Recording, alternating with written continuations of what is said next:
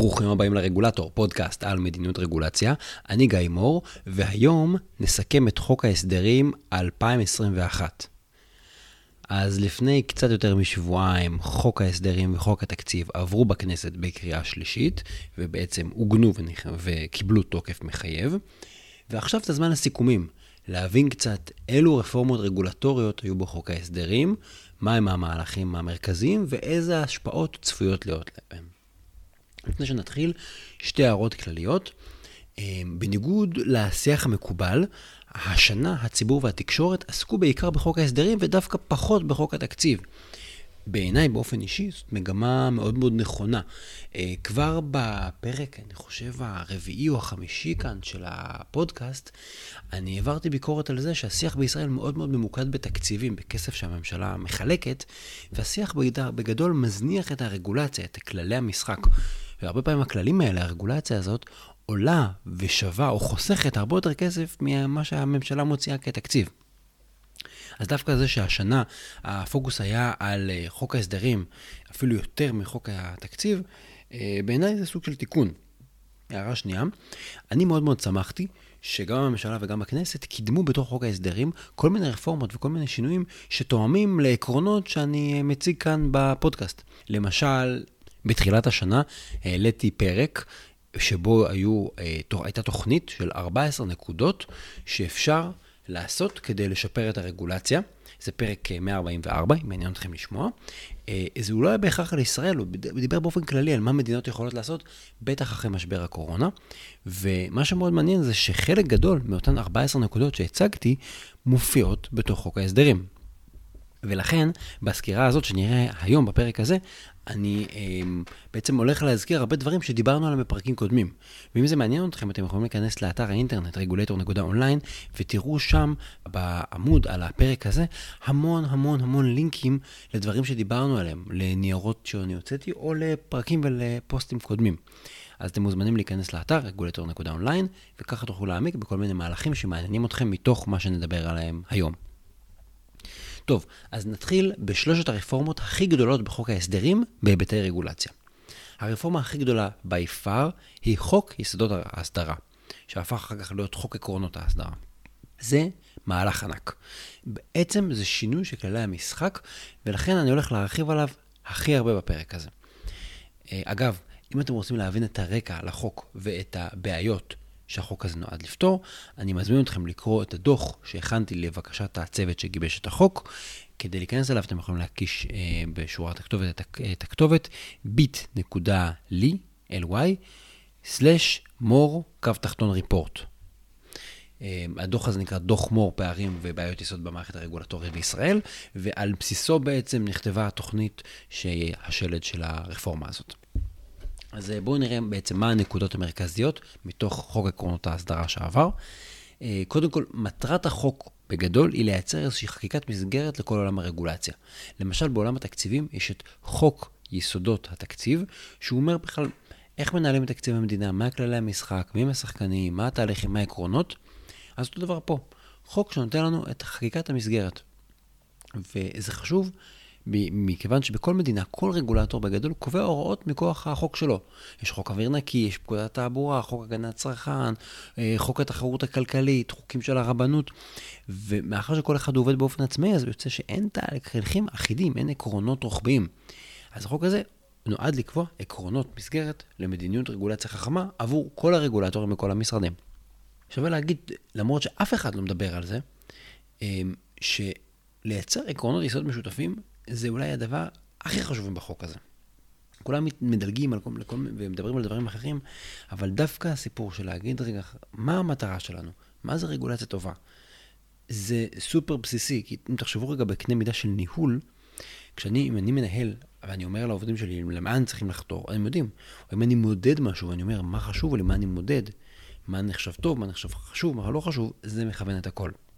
והרעיון הזה של עקרונות יסוד משותפים, הוא למעשה מדובר בהמשך למה שנעשה בסעיף אה, א' להחלטת ממשלה 4398 בשנת 2018. אה, זה סעיף שאני ניסחתי בזמנו, שהוא קבע עקרונות יסוד למדיניות רגולציה חכמה. אז עוד אז, ב-2018, הגדרנו מה העקרונות שלנו למדיניות רגולציה חכמה. למשל, שהיא משפרת הרווחה החברתית, שהיא מבוססת על ניהול סיכונים, שקובעים אותה על בסיס נתונים, שחושבים לא רק על שלב הקביעה, אלא גם על שלב היישום, ואיך עושים בקרה בדיעבד כדי לראות מה היו התוצאות, שאנחנו רוצים לצמצם סתירות, כל מיני דברים שנראה לי שכולם יכולים להסכים עליהם, אבל אנחנו צריכים פעם אחת לכתוב מה המטרות ומה העקרונות שלנו. אז את זה עושה החוק הזה, וזה סופר סופר חשוב. נקודה שנייה, אה, ועליה דיברו המון, החוק הזה מקים רשות רגולציה. בעצם גוף רג... רגולציה לאומי, מטה-רגולציה, שהוא יהיה תחת משרד ראש הממשלה. והרשות הזאת, אה, יש לה כמה תפקידים. אחד זה לבצע בקרה על תהליכי גיבוש הרגולציה, בעצם לבדוק מתודולוגית שהרגולטורים עובדים לפי שיטת רגולציה חכמה, מה שנקרא ראייה. אה, מה שהזכרתי קודם, למשל שימוש בנתונים, הגדרה של בעיה, בחינת חלופות. בנוסף, הרשות גם תייעץ לרגולטורים בגיבוש רגולציה חדשה, וגם תייעץ להם בשיפור הרגולציה הקיימת, מה שנקרא, תייעץ להם בזרם הרגולציה, ותייעץ להם גם בטיפול במלאי של הרגולציה הקיימת. ופה המטרה היא שהרגולציה תהיה יותר איכותית, למשל, תהיה אצלם איך לשפר את האכיפה, איך לא לחסום חדשנות, איך לצמצם בירוקרטיה, איך לוודא שהרגולציה באמת אפקטיבית ופותרת את הבעיה. והדבר האחרון זה שהתפקיד של הרשות הזאת היא גם להכשיר את הרגולטורים וגם לייעץ לממשלה בנושא רגולציה באופן כללי. זאת אומרת, היא היועץ של הרגולציה לראש הממשלה ולממשלה בכלל. ממשלה, זאת אומרת, קבינט השרים. עוד נקודות לגבי החוק הזה, החוק מחייב בחינה תקופתית של הרגולציה. אה, אם דיברנו פה בפרקים קודמים על סעיפי שקיעה, סעיף שאומר הרגולציה הזאת מתבטלת תוך כמה שנים, ואז מחייב את הרגולטור לבדוק את הרגולציה ולעגן אותה מחדש. אז פה הולכים על משהו יותר אה, מתון, ובעצם אומרים בחוק שכל רגולטור חייב לבחון את הרגולציה שלו כל כמה שנים, בגדול תוך כל חמש או כל עשר. אה, והרעיון הוא שבואו נבדוק שהרגולציה, ההשפעה שלה חיובית, שהיא באמת עושה את העבודה, שהיא לא מזיקה, שהיא נשארת עדכנית, שהיא רלוונטית. אה, וזה בעצם אומר שאני שומר על הרגולציה שלי פיט, תקינה, לאורך זמן. עוד נקודה שגם הזכרתי פה לא מעט זה נושא ג'ונגל הרגולציה או ג'ונגל הנהלים. וההחלטה הזאת באה לעשות סדר. אה, בכל העולם יש תופעה שהוראות שונות מפוזרות על פני חוקים, תקנות, נהלים, חוזרים, הנחיות, המון המון הוראות מכל מיני סוגים. וכל המסמכים האלה גם הם מפוזרים, הם לא מפורסמים במקום אחד. זה לא שאם אתם רוצים לדעת מה רגולציית הבריאות בארצות הברית, או מה רגולציית התחבורה בקנדה, אתם פותחים מסמך אחד והוא כולו פרקים פרקים ואתם קוראים מההתחלה עד הסוף. יש חוקים, במקום אחר יש תקנות שהן יותר מפורטות, ויש נהלים, ויש חוזרים, ויש נוסח של רישיונות, ויש הנחיות פנימיות, ויש פרשנות. הבלאגן הזה, הוא מקשה על הציבור, כמובן, אבל הוא אפילו עלול להקשות על הממשלה כשהיא מנסה לנהל את הרגולציה שלה, או לעשות רפורמות, או להבין מה יש לה בכלל. אז הפתרון שנעשה כאן הוא פתרון בהשראה של פתרון אמריקאי שטראמפ עשה לפני שלוש שנים, והוא די טריוויאלי. אה, אומרים, אתם, אנחנו צריכים לפרסם את כל הרגולציה במקום מרכזי אחד. נשמע נורא נורא פשוט, אבל סופר סופר חשוב. עוד נקודה שמתחברת לזה, זה האג'נדה הרגולטורית, דבר שאני מאמין בו מאוד. אמ, בעצם מה שההחלטה אומרת זה שהרגולטורים יפרסמו מעין תוכנית עבודה שנתית, ואז אמ, רשות הרגולציה תאגד את זה ותציג את האג'נדה הרגולטורית השנתית. ואז בעצם כל רגולטור כותב איזה רגולציה הוא מתכנן לשנות, ליצור או לבטל, בעצם כל השינויים שהוא מתכננים לעשות בשנה הקרובה. הרעיון זה שזה גם אה, מאפשר לציבור ודאות. אבל, אולי יותר חשוב מזה, שזה כלי עבור הרגולטורים עצמם. בעצם זה כמו מהפכה של תוכניות עבודה בעולם הרגולציה. כי בעצם זה כלי שאומר לרגולטור, אתה צריך רגע לעצור איפשהו בנובמבר-דצמבר ולתכנן את השנה הבאה, ולחשוב מה תעשה. עכשיו, חוץ מזה, זה גם מגן על הרגולטור מפני לחץ לעסוק בכל מיני דברים. כי יש רפורמה מאוד מאוד חשובה וגדולה שהוא רוצה לקדם, אבל יש מישהו שמנסה לדחוף איזה משהו שזה באינטרס שלו. או יש משהו שבאמת לגיטימי, אבל הוא דחוף ולא באמת חשוב. איך אנחנו עושים לרגולטור לא, שלא יגררו אותו ולא ילחצו עליו לעשות דברים שפחות חשובים. אז תוכנית עבודה שהוא צריך לפרסם, וסטייה ממנה, יש פרוצדורה שאפשר לסטות ממנה, אבל זה טיפונת קשה. יכול לעזור לרגולטור לעשות את מה שהוא באמת צריך לעשות, ומגן עליו מפני לחצים חיצוניים. וכמובן, סיפור השקיפות לציבור גם מבורך. אה, נקודה אחרונה שאני רוצה לגעת בה פה, ובאמת יש עוד דברים בתוך החוק הזה, אבל אני מנסה להתמקד בדברים העיקריים, זה צמצום בירוקרטיה. אה, יש חובה שהיא משיגה שני מהלכים בהוראה אחת, גם צמצום של הבירוקרטיה וגם משרישה את הנורמה שתהליכים צריכים להיות דיגיטליים. החוק אומר שכל דרישה חדשה לאישור מראש, נגיד, כל פעם, כל רגולטור שירצה בעתיד לדרוש, לייצר חובה לרישיון חדש או להיתר או משהו כזה, יהיה חייב שהתהליך יהיה דיגיטלי, ויאפשר לאזרח להגיש את הבקשה ולקבל גם את האישור דרך האינטרנט. אז זה מצד אחד אומר שאנחנו מבינים שיש בירוקרטיה באישורים מראש, ואנחנו גם מחייבים שהבירוקרטיה הזאת תרוכך ותהיה הרבה יותר חלקה באמצעות דיגיטציה. יפה. שימו לב שהשינויים פה הם מאוד מאוד מגוונים בסוג השינויים. שינויים בתוכן של הדרישות, שינויים בשיטת הפיקוח, אפילו פה יוצרים לי ברירת מחדל, יוצרים לי נורמות של עבודה. הדבר האחרון שאני אגיד על החוק הזה, זה שקיימנו מפגש זום על חוק יסודות הרגולציה, ואתם מוזמנים להאזין, יש לינק באתר, רגולטור.אונליין, להקלטת זום. גם העליתי אותו פה, אה, את ההקלטה, לפני שבועיים בערך. אה, זה נקרא אה, הרגולטור מציג, רפורמת הרגולציה בחוק ההסדרים. אתם מוזמנים להאזין. טוב, זה החוק הכי משמעותי. השינוי הבא, כמעט לא שמעתם עליו, כי אף אחד מחוץ לממשלה כמעט לא דיבר עליו, אבל הוא דרמטי לא פחות. וזה התיקון לחוק רישוי עסקים. בתמצית, יש את המנגנון של חוק רישוי עסקים, שהוא מנגנון סופר סופר סופר מורכב, והוא מערב המון משרדים, והוא נוגע ליותר מ-150 אלף עסקים בישראל, מנגנון ענק. ובעצם הרפורמה הנוכחית באה לנסות לסדר אותו אחרי שמהלכים קודמים לא הצליחו. קודם כל, אם זה מעניין אתכם, אני ממליץ לכם להאזין לפרק 22, שנקרא המהלך הכי משמעותי שהממשלה עשתה ב-2018, ובו בעצם סיקרתי את הרפורמה ברישוי עסקים שהייתה בשנת 2018, זה נקרא תיקון 34 לחוק רישוי עסקים. בחזרה לחוק שלנו, לחוק ההסדרים. אז הרקע לתיקון הזה, זה כל מיני בעיות שהתגלו במפרטים האחידים. בעצם הרפורמה האחרונה אומרת, משרדי ממשלה, אתם חייבים לכתוב מפרטים אחידים, מפרטים עם כל הדרישות שלכם.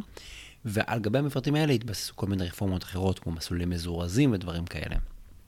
עכשיו, היו כל מיני בעיות במפרטים האלה. אה, עיכוב בכתיבה שלהם, בעיות של תאימות בין הדרישות של הרגולטורים השונים, כי משרד אחד כתב ככה ומשרד אחר כתב משהו אחר, ואותן דרישות אמורות לחול על, על אותו עסק. אה, ולכן, מה שעושים בחוק ההסדרים פה זה משהו מאוד מאוד דרמטי. בעצם מקימים ועדה מאסדרת לרישוי עסקים, ואומרים שהוועדה הזאת היא מעכשיו הרגולטור שכותב את המפרטים האחידים. בעצם אם המשרד להגנת הסביבה או משרד העבודה רוצה לכתוב מפרט אחיד, הוא כבר לא יכול, הוא חבר בוועדה ויש שם עוד משרדים, הוא כמובן המשרד המקצועי, אבל הוא לא, גם אין לו רוב בוועדה הזאת. והוועדה הזאת, שיש בה נציגים של מספר, מספר משרדי ממשלה והשלטון המקומי וכאלה, הם ביחד כותבים את המפרט האחיד. ואז בעצם מה שקרה זה שבמקום שכל משרד כותב את הפרק שלו ואז מאחדים, יש ועדה ממשלתית שרואה את כל התמונה וכותבת ביחד, ומביאה את כל השיקולים בחשבון. המשמעות היא שלקחו את הכוח מהרגולטור ושמו אותו בוועדה שהוא אחד מבין אה, שמונה או עשרה אנשים. אז התיקון הזה בעצם מעביר את האחריות ואת הסמכות לכתיבת המפרטים האחידים מהרגולטור הבודד אל הוועדה המאסדרת. זה ממש שינוי מנגנוני של מי בעל התפקיד עם הסמכות והאחריות לקבוע את הרגולציה של מפרטים אחידים ברישוי עסקים. הרפורמה השלישית המשמעותית בחוק ההסדרים היא בתחום היבוא והתקינה. הרפורמה הזאת מיועדת להסיר חסמי יבוא, ויש לה ארבע רגליים עיקריות. רגל אחת זה הכרה בתקינה בינלאומית. בעצם אומרים שאנחנו מכירים קודם כל ברגולציה אירופית וגם ברגולציות אה, בינלאומיות אחרות, או תקינה אחרת, אה, ואומרים בעצם ניתן יהיה לייבא מוצרים שעומדים בתקינה האירופית, גם אם המוצר הזה לא עומד בתקינה ישראלית. בעצם אנחנו מייצרים מסלול מקביל לתקן הישראלי. מסלול עוקף. ובעצם זה תחליף לתקינה הישראלית כשהיא שונה מהמקובל בעולם. אז זה מסיר את החסם הזה של שונות ברגולציה. בהקשר הזה אני מפנה אתכם גם להאזין לפרק 39, פה של הפודקאסט קלף הסאב של הרגולציה, שבו דיברנו גם על הכרה בינלאומית ועל אימוץ של רגולציה בינלאומית ומה ההבדל ביניהם, ולמה זה משמעותי במיוחד למדינה כמו ישראל. אה, נקודה שנייה בתוך הרפורמה הזאת זה ייבוא במסלול הצהרה, זה בעצם שינוי של מנגנון הפיקוח על חלק מהמוצרים. אה, היום מאוד מקובל שרוב המוצרים עוברים בדיקה שכל משלוח לוקחים מוצר לדגימה. זה זמן אה, שממתינים, זה העלות של בדיקות המעבדה, זה פחת של מוצרים, כי המוצר הזה שבודקים אותו לא בהכרח חוזר ליבואן. יש כל מיני קבוצות של מוצרים שמסווגים, את אלה בודקים כל משלוח, את אלה לא. בעצם ברפורמה הזאת אנחנו מעבירים הרבה מאוד מוצרים בין הקבוצות, ואז היבואן מצהיר שהמוצר שלו עומד באותה תקינה ישראלית או בינלאומית, והרבה הרבה יותר מקרים, הבדיק, לא תבוצע לו בדיקה, שזו סוגיה פיקוחית בכלל. נקודה שלישית, בעצם מנסים להסיר פה כל מיני חסמים בירוקרטיים וחסמים לתחרות שהם עקיפים. אומרים בעצם שאסור לקבוע בתקן דרישה שמחייבת את היבואן להיות בקשר עם היצרן. למה הכוונה? תחשבו למשל שאני אומר שמי שרוצה לייבא אה, מים מישראל, מים מינרליים, הוא חייב להביא לי אישור שהיצרן אה, מסמיך אותו להיות יבואן מורשה. או מי שרוצה לייבא לישראל אה, לפטופים, צריך להביא לי אישור שהיצרן הבינלאומי, נגיד IBM, מוכן לתת אחריות ולטפל בתחזוקה של לפטופים.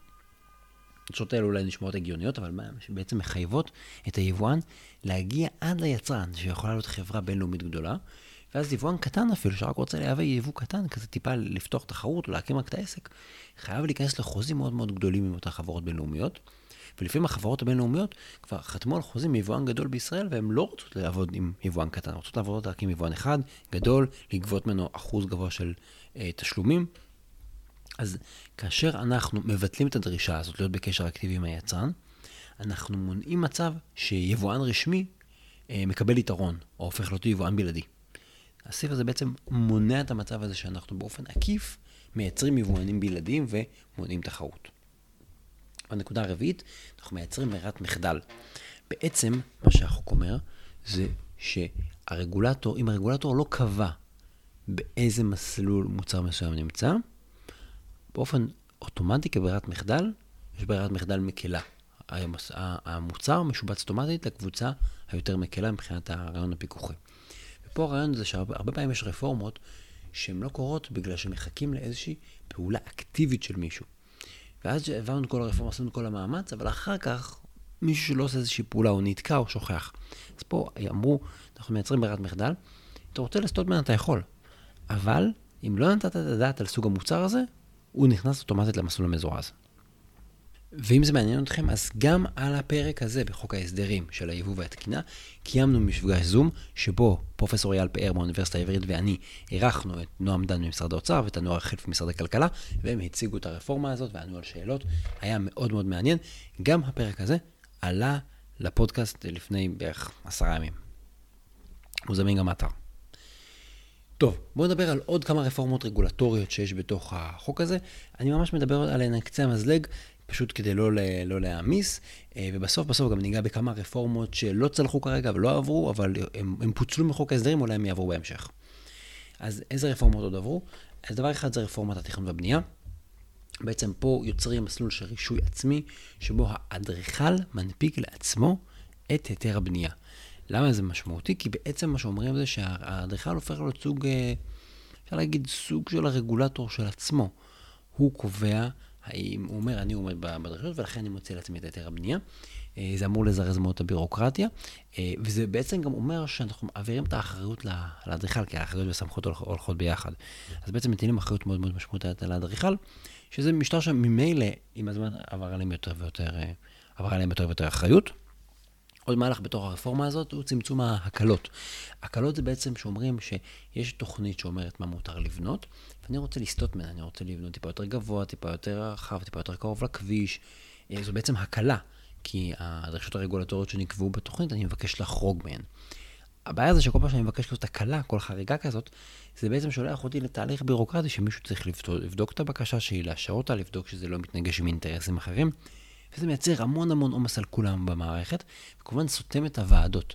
אז מנהל התכנון מנסה לצמצם את מנגנון ההקלות, ובעצם לנסות להגיד בואו נעשה את התכנון לכתחילה כמה שיותר טוב, ושלא כולם יצטרכו כל פעם ללכת לחריגים, כי כרגע בעצם החריגים האלה, שאנחנו מכנים אותם הקלות, סותמים את המערכת ומתישים את כולם.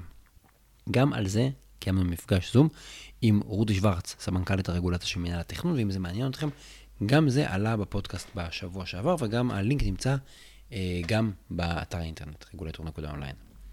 טוב, רפורמה שנייה היא רפורמת הכבאות. אה, פה הרעיון הוא שהדרישות של הכבאות, של הגנה מאש, מאמצים את התקינה הבינלאומית של ארגון שנקרא NFPA, ארגון מוביל בעולם של רגולציית תקינת הבטיחות אש, ובעצם מעגנים גם את כל ההוראות מעכשיו בתקנות. אה, זו רפורמה שאני עובד עליה במסגרת העבודה שלי, אתם יכולים לקרוא עליה, יש לינק באתר האינטרנט. אני עובר לרפורמה שלישית, זאת רפורמת אגרות הגודש, דיברו עליה די הרבה.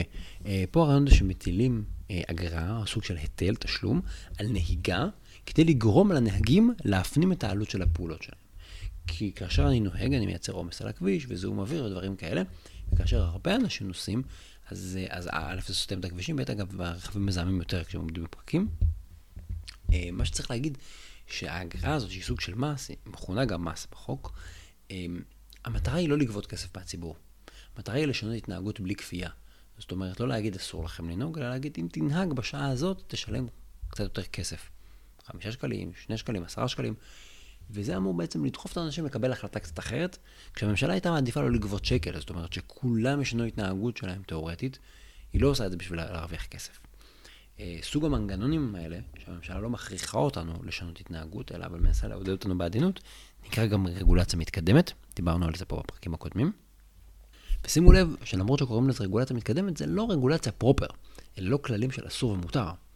זה בעצם סוג של מס שנועד לתמחר את הפעילות, ואז הוא נועד לגרום לנו לשנות את ההחלטות ולהתנהג בצורה יותר אופטימלית.